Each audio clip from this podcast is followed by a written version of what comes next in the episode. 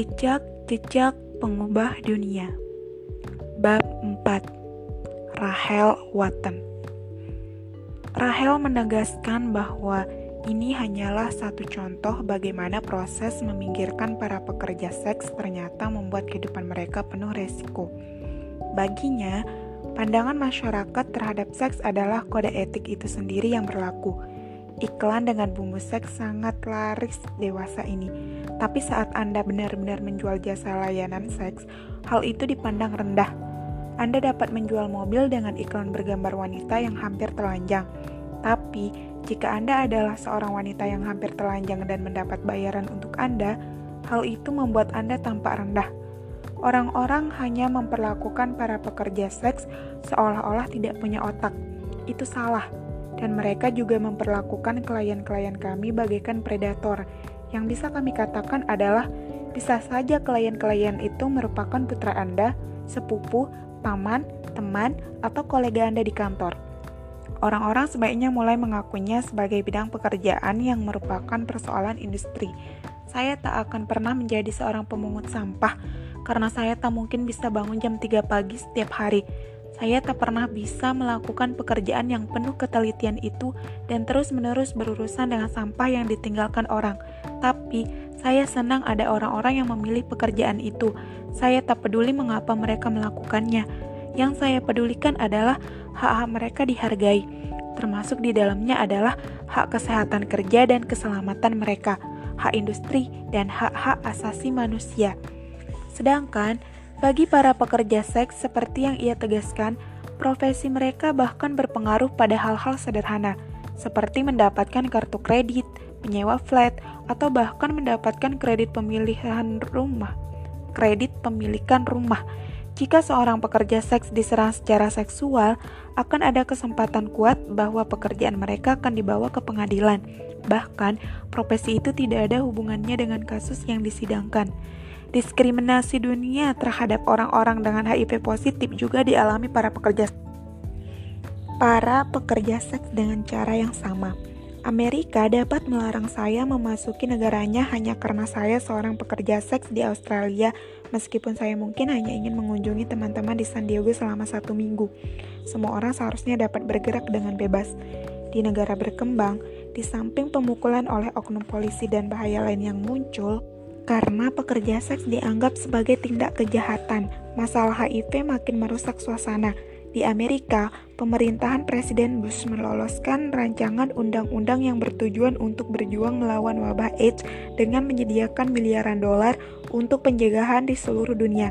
Tetapi, dengan ketentuan bahwa tak boleh ada dana yang diperuntukkan bagi organisasi apa pun yang bekerja sama dengan para pekerja seks, kecuali mereka memfasilitasi program keluar seperti membantu mereka meninggalkan profesi tersebut.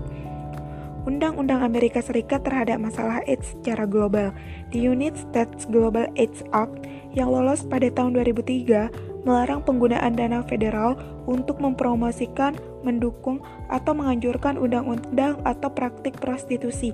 Dan hal paling berani yang pernah terjadi, sambungnya, bahwa Brasil baru saja menyanggah pemerintah Amerika dan berani mengatakan bahwa mereka mendukung industri seks yang ada. Pemerintahan Obama sedang meninjau kembali kebijakan ini saat buku ini ditulis. Sebagai bagian dari kampanye melawan HIV atau AIDS, pemerintah Brasil benar-benar secara aktif mendengarkan keluhan kelompok yang tersisihkan ini, khususnya Davida, suatu organisasi yang semula didirikan oleh para pekerja seks. Davida membantu menggalang dana dengan mendirikan label pakaian sendiri. Mereka menggunakan para pekerja seks untuk memperagakan koleksi pakaian mereka. Setelah pemerintah berhasil menolak dana sebesar 40 juta dolar dari Amerika, itu merupakan cara lain untuk menggalang dana yang dapat membantu industri seks. Tetapi, bagi banyak organisasi lain, hal ini dianggap mengerikan. Hal ini terutama terjadi di negara-negara dengan kemiskinan yang merajalela hak-hak para pekerja seks untuk menggunakan kondom demi melindungi diri mereka pun berisiko karena untuk pelaksanaan hak-hak tersebut. Seseorang membutuhkan akses untuk mendapatkan kondom dengan harga jual terjangkau, tetapi cekikan penguasa telah dituduh mencegah distribusi kondom untuk pekerja seks di tempat-tempat yang dilanda wabah. Seperti Afrika atau Asia, sebuah organisasi yang sudah mapan di Thailand, Asosiasi Kependudukan dan Pembedaan Masyarakat, The Population and Community Development Association atau PDA, telah terlebih dahulu bekerja dengan badan USAID milik pemerintah Amerika tetapi, karena organisasi ini bersikeras mendistribusikan kondom bagi para pekerja seks sekaligus seluruh masyarakat, mereka pun kehilangan dana dari Amerika. Dalam kasus lain, seorang pejabat PBB mengutuk Amerika dan pemerintah Uganda karena hanya menggudangkan kondom di negara Afrika yang terkena wabah paling buruk padahal sudah jelas adanya kekurangan. Rahel berubah marah saat membicarakan masalah ini. Orang-orang mengatakan, Mengapa mereka tidak bisa menolaknya atau mereka tidak menggunakan kondom saja? Entah tidak ada kondom atau harganya terlalu mahal sehingga lebih mahal dari harga layanan. Para pemerintah hanya lepas tangan. Mereka mengatakan hal ini seharusnya memang tidak terjadi dan menyalahkan para pekerja seks atau para klien yang membayar layanan mereka. Bagaimana sikap seperti ini bisa membantu orang lain? Ia berpendapat bahwa banyak pemerintah yang sementara menegaskan bahwa mereka berusaha mengurangi wabah, juga menegaskan bahwa masalah terletak pada orang-orang yang sedang mereka bantu, yakni para pekerja seks. Ini seperti menggemakan penemuan Paul Poleros dengan pemerintah Australia yang menegaskan bahwa mereka ingin membantu masyarakat aborigin. Sementara mereka juga menyatakan bahwa masalah terletak pada orang-orang aborigin itu sendiri. Bukan hal yang cukup baik bagi pemerintah untuk mengatakan para pekerja seks berisiko tinggi terhadap HIV. Apa yang akan kita lakukan dan kemudian tidak meninjau hukum lingkungan jika Anda memberikan hak-hak mereka dan menyediakan suatu lingkungan sehingga mereka dapat melaporkan kepada polisi tindak kejahatan yang mereka alami di tempat mereka memiliki akses mendapatkan peralatan seks lebih aman dengan harga terjangkau. Di tempat mereka diperlakukan dengan martabat dan hormat, maka Anda dapat benar-benar memulai sesuatu konstruktif yang akan memiliki pengaruh positif pada kehidupan saat ini apa yang dikatakan pemerintah negara-negara ini adalah bahwa para pekerja seks seharusnya tidak ada. Karena itu, mereka berada di luar jangkauan hukum Dekriminalisasi merupakan suatu cara positif untuk melindungi kesehatan, keselamatan, dan hak asasi mereka. Telah ditunjukkan bahwa tidak ada gunanya pemerintah bertingkah seperti burung onta dan mengubur kepala di dalam pasir. Satu hal yang sering kami katakan, jika kita tidak berani berpendapat, maka apa yang akan terjadi? Kenyataannya adalah manusia suka berhubungan seks. Mereka suka memiliki teman, mereka suka terlibat dalam hal-hal yang berbeda. Jika orang ingin memiliki hubungan berganti-ganti pasangan yang dapat dinegosiasikan, maka mereka sebaiknya dapat melakukannya di lingkungan yang aman. Mudah-mudahan, jika kita mendukung mereka, menulis berbagai hal yang perlu ditulis, dan mempresentasikannya pada setiap konferensi, maka hal ini seperti tetesan dalam air. Hanya satu tetes saja, tetapi bisa bergaung, bergaung dengan orang yang tepat. Jadi, Anda hanya harus terus berjalan kini, komunitas Rahel akhirnya diperhatikan dan didengarkan. Setelah 8 tahun mempresentasikan laporannya pada konferensi-konferensi sebagai wakil Scarlet Alliance dan SWOP, saat ini Rahel sedang menyelesaikan gelar master di bidang kesehatan seksual dari Universitas Sydney.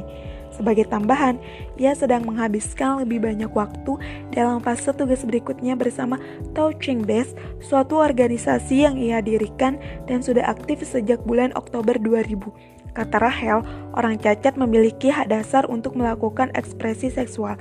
Touching Base membantu orang-orang cacat dan para pekerja seks agar bisa berhubungan satu dengan yang lain, memfokuskan diri pada akses yang ada, diskriminasi, hak asasi manusia, dan perkara hukum serta sikap-sikap penghambat yang dihadapi kedua kelompok tersebut. Maka, landasan advokasinya terus meluas. Apa yang membuat Rahel meninggalkan pekerjaan relawannya hanyalah sebagai upaya untuk membuat suatu perbedaan, katanya.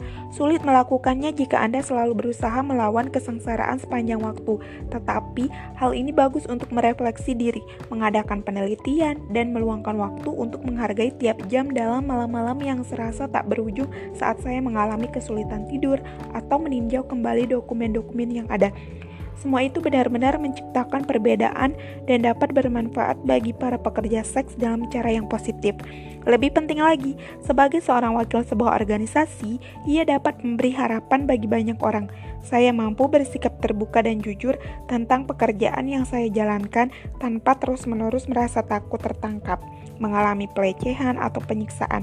Saya merasa sangat beruntung tinggal di Sydney dan dapat menjadi diri saya apa adanya tanpa ketakutan-ketakutan seperti itu. Kami selalu berharap bahwa kemenangan demi kemenangan kecil yang berhasil kami raih dapat membantu mengubah hal-hal demi kebaikan mereka yang tinggal di luar negeri. Sebagai wakil dari para pekerja seks seluruh dunia, Rahel berharap mereka bisa mendapatkan hak hidup dalam masyarakat tanpa disisihkan untuk mengakhiri segala bentuk diskriminasi dan stigma dan agar hak asasi manusia, industri, dan hak pekerja mendapat pengakuan. Bagi para pekerja seks, adanya pengakuan bahwa profesi ini merupakan sebuah pekerjaan. Rahel yakin bahwa solusi dari segala masalah, marginalisasi, dan hak asasi manusia terletak dalam masyarakat itu sendiri jika kita mau mendengarkan.